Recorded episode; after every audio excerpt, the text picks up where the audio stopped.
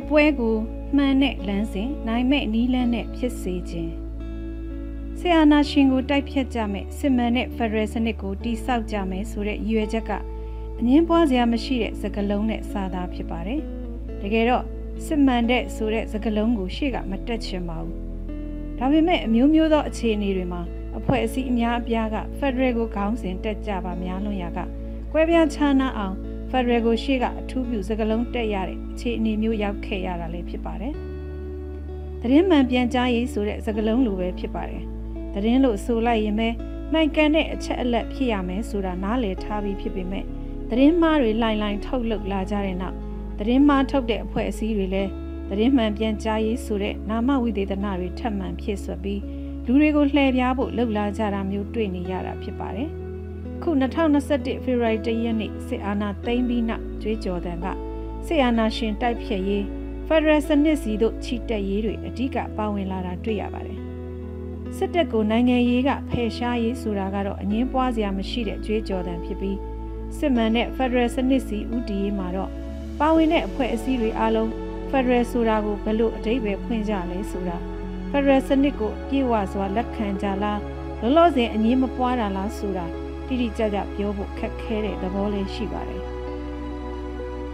ဒီနေ့အဓိကပြောခြင်းတဲ့အကြောင်းအရာကတော့တူညီတဲ့ရွေချက်ပန်းနိုင်ဖြစ်တဲ့ဆီယနာရှင်စနစ်တိုက်ဖြတ်ရေးဒီမိုကရေစီစနစ်ရောက်ရှိဖို့ဦးတည်သွားကြရမှာမှန်ကန်တဲ့လမ်းစဉ်နဲ့အနိုင်ရရှိနိုင်မဲ့နည်းလမ်းမျိုးကိုဦးဆောင်တဲ့အဖွဲ့အစည်းတွေလူပုဂ္ဂိုလ်တွေအနေနဲ့ချမှတ်နိုင်ကြဖို့ဖြစ်ပါတယ်။လူဒေါ်လာရေးဆိုတဲ့လှုပ်ရှားမှုကကာလတစ်ခုရောက်နေချိန်မှာမှအခုလိုအကြောင်းအရာကိုဆွေးနွေးရလားလို့ ပြစ်တင်ခြင်းလဲတင်ကြပါလိမ့်မယ်။ဒါပေမဲ့ဆယ်လကျော်ကြာလာတဲ့အခါမှာလဲရှောက်ခဲ့တဲ့လမ်းစဉ်နီးလန်းတွေကိုပြန်သုံးသပ်ဖို့လိုအပ်မှာအမှန်ပဲလို့ယူဆလို့ဖြစ်ပါတယ်။1988ခုနှစ်အရေးအခင်းကိုစစ်အာဏာသိမ်းမှုနဲ့အင်အားသုံးဖြိုခွဲခံရပြီးနောက်မှာလဲလမ်းစဉ်အားဖြင့်ပါတီဖွဲ့စည်းပြီးဆက်လက်လှုပ်ရှားမဲ့လမ်းစဉ်လက်နက်ကိုင်းပြီးတိုက်ခိုက်ဖယ်ရှားမယ်ဆိုတဲ့လမ်းစဉ်ဆိုပြီးအဓိကနှစ်မျိုးကွဲပြားပြီး NLD ပါတီအပါအဝင်အ ခြားသောနိုင်ငံရေးပါတီအများအပြားဖွဲ့စည်းလှုပ်ရှားခဲ့ကြတာဖြစ်ပါတယ်။လက်နက်ကိုင်လမ်းစဉ်ကိုရွေးချယ်ခဲ့တဲ့လူငယ်လူလက်ပိုင်းတွေလည်းတိုင်းရင်းသားလက်နက်ကိုင်ဒေသတွေမှာလက်နက်ကိုင်အဖွဲ့တွေတဲ့ဝင်သူဝင် ABSDF ဆိုပြီးចောင်းသားတက်မတော်ဖွဲ့ကတိုင်းရင်းသားလက်နက်ကိုင်တပ်ဖွဲ့တွေနဲ့လက်တွဲတိုက်ခိုက်ခဲ့ကြတာဖြစ်ပါတယ်။အခု2021ခုနှစ်စစ်အာဏာသိမ်းပြီးတစ်လနှစ်လအတွင်းမှာပဲချို့သောလူငယ်တွေအဖွဲ့အစည်းတွေကလက်နက်ကင်လန်းစဉ်ကိုရွေးချယ်ခဲ့ကြပြီး တိုင်းရင်းသားလက်နက်ကင်ဒေသတွေစီထွက်ခွာသွားခဲ့ကြတာဖြစ်ပါတယ်။နိုင်ငံရေးနယ်မှာအင်အားအကြီးဆုံး NLD ပါတီကလွှတ်တော်ကိုယ်စားလှယ်တွေကလည်း CRPH လို့အမည်ပေးထားတဲ့ပြည်ထောင်စုလွှတ်တော်ကိုစားပြုကော်မတီဖွဲ့စည်းခဲ့ပါတယ်။နောက်ပိုင်းအမျိုးသားညီညွတ်ရေးအစိုးရကိုဖွဲ့စည်းပြီး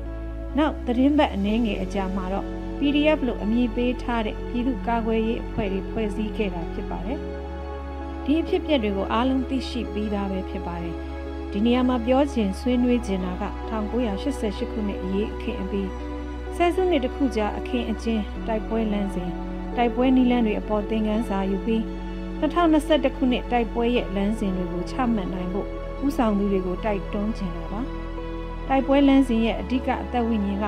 အောင်ပွဲရဖို့ဦးတည်ရမှာဖြစ်ပါတယ်အောင်ပွဲကိုဘယ်လမ်းစဉ်နဲ့ရောက်နိုင်မလဲဆိုတာအကဲဖြတ်ချက်ဆုံးဖြတ်ချက်ကအရေးကြီးဆုံးလို့မြင်ပါတယ် 2021က1988ခုနှစ်နဲ့မတူတော့ဘူးလို့အများကယူဆကြတာမှန်ပါတယ်။ဘယ်အချက်တွေကကွာခြားပြီးဘယ်အချက်တွေက1988ခုနှစ်နဲ့တူတယ်လဲဆိုတာခွဲခြမ်းစိတ်ဖြာသုံးသပ်နိုင်မှုလိုအပ်ပြီးအခု2021မှာအလုပ်ဖြစ်နိုင်မဲ့လမ်းစဉ်တွေကဘာတွေဖြစ်မလဲဆိုတာကိုရွေးချယ်နိုင်လိမ့်မှာဖြစ်ပါတယ်။ပါတီနိုင်ငံရေးလမ်းစဉ်လားမြေပေါ်လှုပ်ရှားမှုလားမြေအောက်လှုပ်ရှားမှုလားလက်နက်ကိုင်လမ်းစဉ်လားဆိုတာ လက်တွေ့ကျတဲ့အောင်မြင်မှုအလားအလာအများဆုံးဖြစ်တဲ့လမ်းစဉ်ကိုရွေးချယ်ဖို့လိုအပ်ပါလိမ့်မယ်။မှန်ကန်တဲ့လမ်းစဉ်ကိုအရွေးမှန်ဖို့လိုအပ်တဲ့နောက်မှာ